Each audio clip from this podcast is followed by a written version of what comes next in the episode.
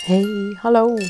Welkom bij de Contact bij Dementie podcast. Ik ben Lida Zegel en met deze podcast wil ik je inspireren om beter, misschien wel anders, in contact te komen met mensen met dementie. Bijna dagelijks denk ik daaraan. Ik maak mooie dingen mee, ik hoor, ik lees, ik zie van alles. En alles wat ik daaruit haal of hoe ik erover denk, wil ik met jou delen. En dan hoop ik jou ook te inspireren en uit te dagen om eens op een andere manier naar contact maken te kijken en misschien ook te gaan doen. Hey, hallo?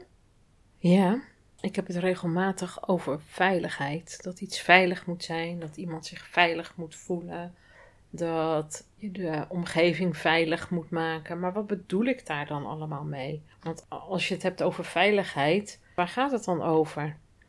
Veiligheid als je het in de breedste zin van het woord doet, dan is het misschien wel dat je denkt van, nou, geen ongelukken. Of dat je je geborgen voelt. Of dat je niet verdwaalt. Maar ik denk dat juist bij haperende hersenen, bij dementie, dat het heel fijn is als inderdaad geen ongelukken gebeuren. Dus kijken we ook heel erg technisch zo van, nou zijn er geen kleedjes waar je overheen kan struikelen. Dat geeft al dat je niet zo snel valt. Want als je gaat vallen en je breekt weer dingen, dan is dat ook weer gevaarlijker. Dus die veiligheid is belangrijk. Maar de veiligheid voor iemand als persoon is misschien wel het allerbelangrijkste gevoel wat je iemand kan geven. Dat hij zich veilig voelt, dat hij zich geborgen voelt.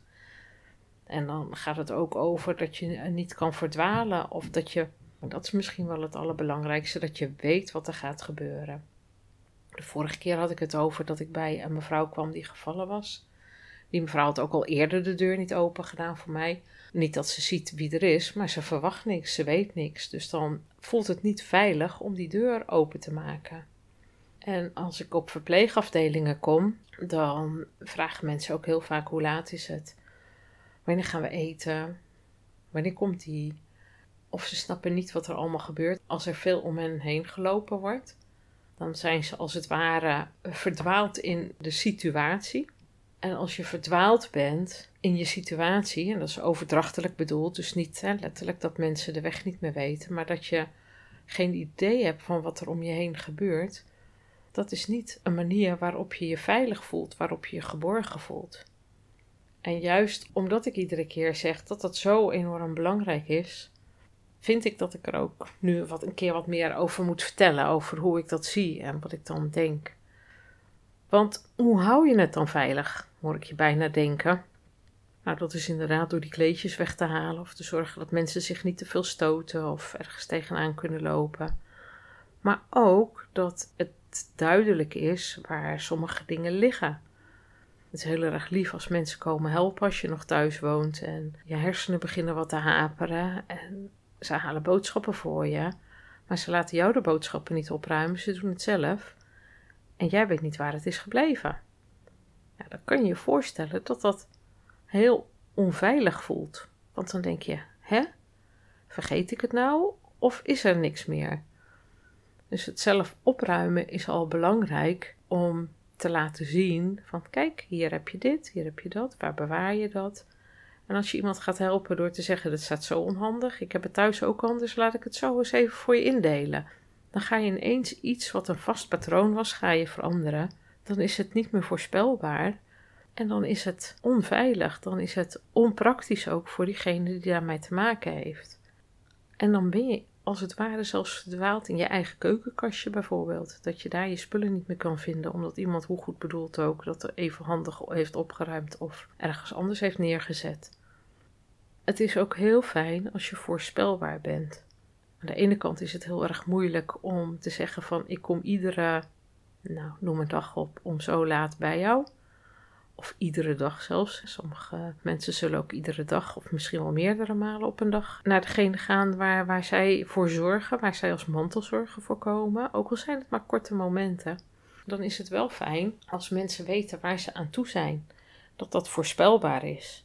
Als dat is, ik kom morgen wel weer een keer langs, dan is dat niet voorspelbaar. Dan is dat lastig. Want waar moet je dan rekening mee houden? Moet je dan om acht uur al op zijn? Of pas om tien uur? Of komt iemand dan koffie drinken? Of komen ze pas met de thee? En dan zou het kunnen voorkomen dat je ergens komt en dat iemand zegt van ik heb de hele tijd op je zitten wachten. Aan de andere kant, als je vaste momenten hebt, dan conditioneer je deze mensen. Dan houden ze er al rekening mee als je haperende hersenen hebt. Heel veilig en heel goed als dat zo een ingesleten patroon wordt. Aan de andere kant is het voor jou als mantelzorger weer enorm lastig, want je moet op die klok, precies op dat moment, moet je dan maar iedere keer weer op appel komen als het ware. Dan moet je er zijn. Het is dus enorm zoeken naar hoe je dat dan het beste kan doen. Want natuurlijk komt het niet altijd uit of kan dat niet. Dan is het ook weer heel moeilijk om uit te vinden hoe je dat dan op een andere manier zou kunnen doen. Want dan is het niet meer voorspelbaar. Dan is er ineens iets waardoor het niet klopt. En daar kan iemand behoorlijk van, van, zijn, uh, van zijn apropos raken, van in de war raken. En dan is het zaak dat je vooraf al bedacht hebt hoe je dingen gaat communiceren. Hoe heb je nog contact met de ander? Kan dat doordat je een telefoon gebruikt waar je die gegevens in zet? Of heeft iemand zo'n schermpje staan waar elke dag op staat welke dag het is? Of wanneer iemand zijn medicijnen moet innemen? Of als er iets bijzonders is, dat dat dan ook voorbij komt. Als je het daar dan zou kunnen instellen of inschrijven dat dat naar voren komt, dan is het voor iemand al wat meer voorspelbaar en begrijpen ze het ook wat beter.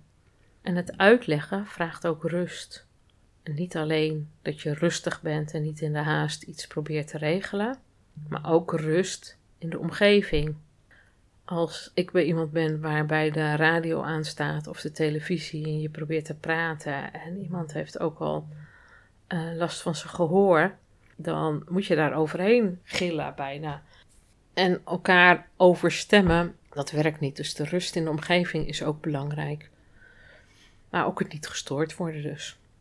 En het tempo is belangrijk. Probeer niet in, in een snelheid te denken van, oh ja, ik moet hier zo snel mogelijk weer weg, want ik heb nog, nou noem maar op.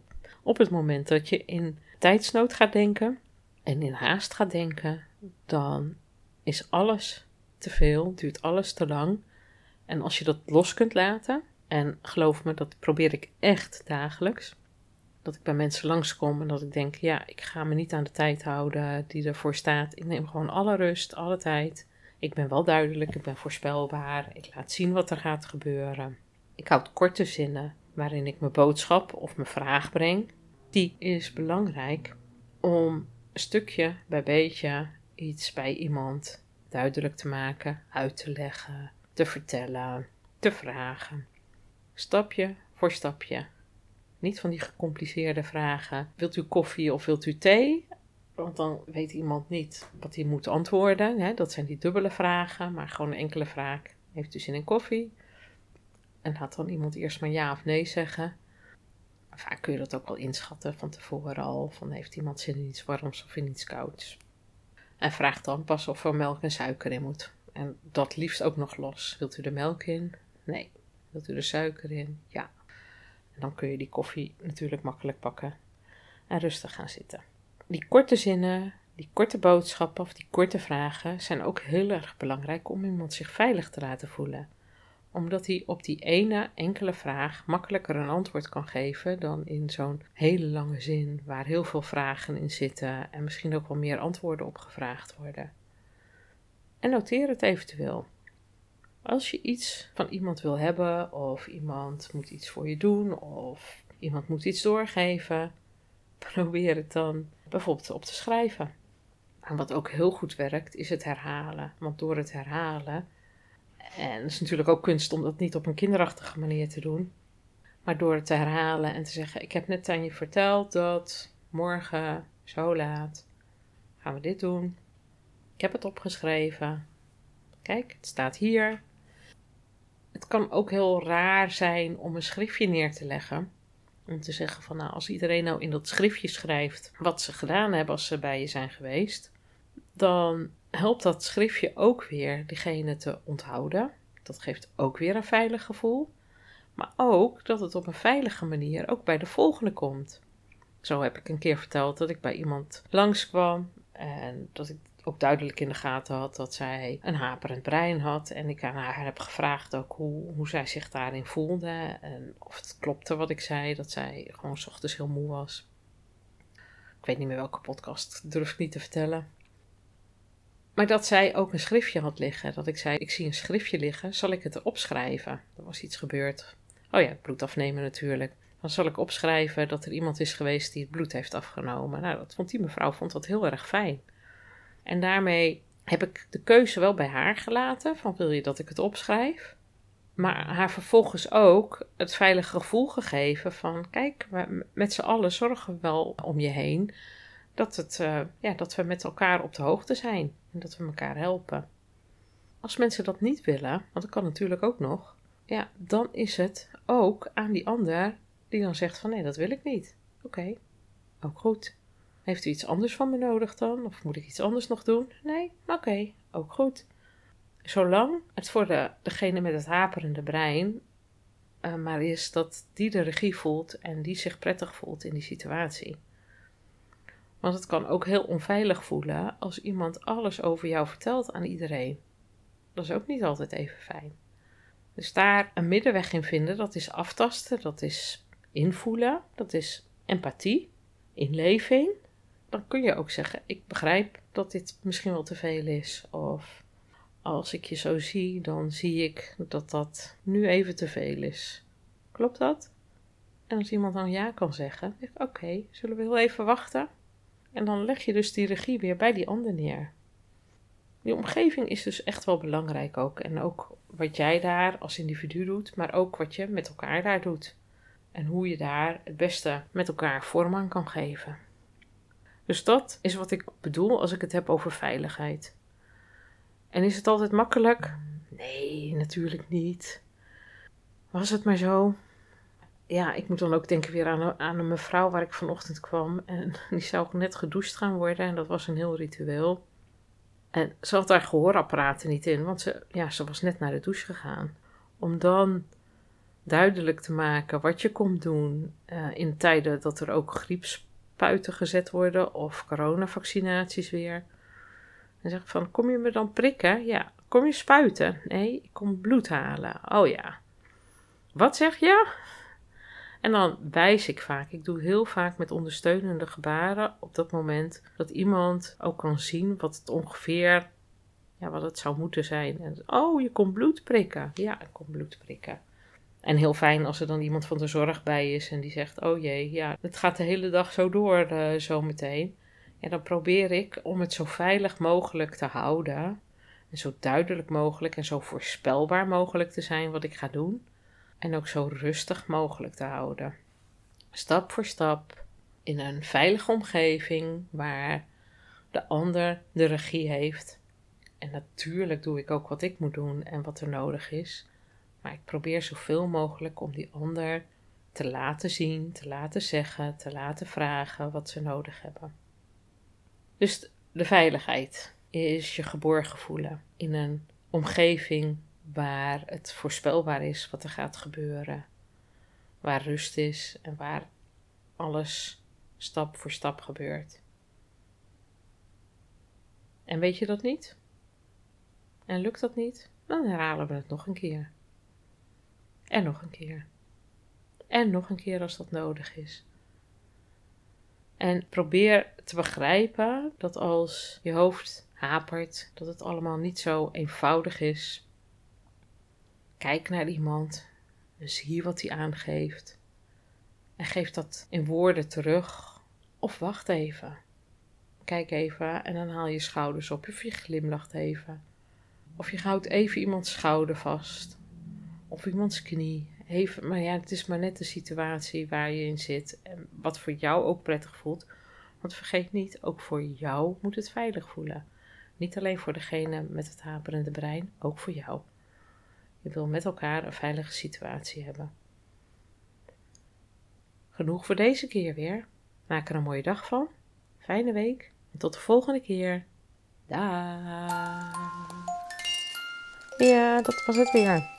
Wat fijn dat je luisterde naar deze podcast. Super bedankt daarvoor. Want samen maken wij de kloof naar mensen met dementie minder groot. Abonneer je dan ook op deze podcast als je automatisch een bericht wilt ontvangen als er weer een nieuwe aflevering online is. En als jij een review achterlaat of een sterrenwaardering, kan deze podcast ook nog sneller gevonden worden. Hoe mooi zou dat zijn?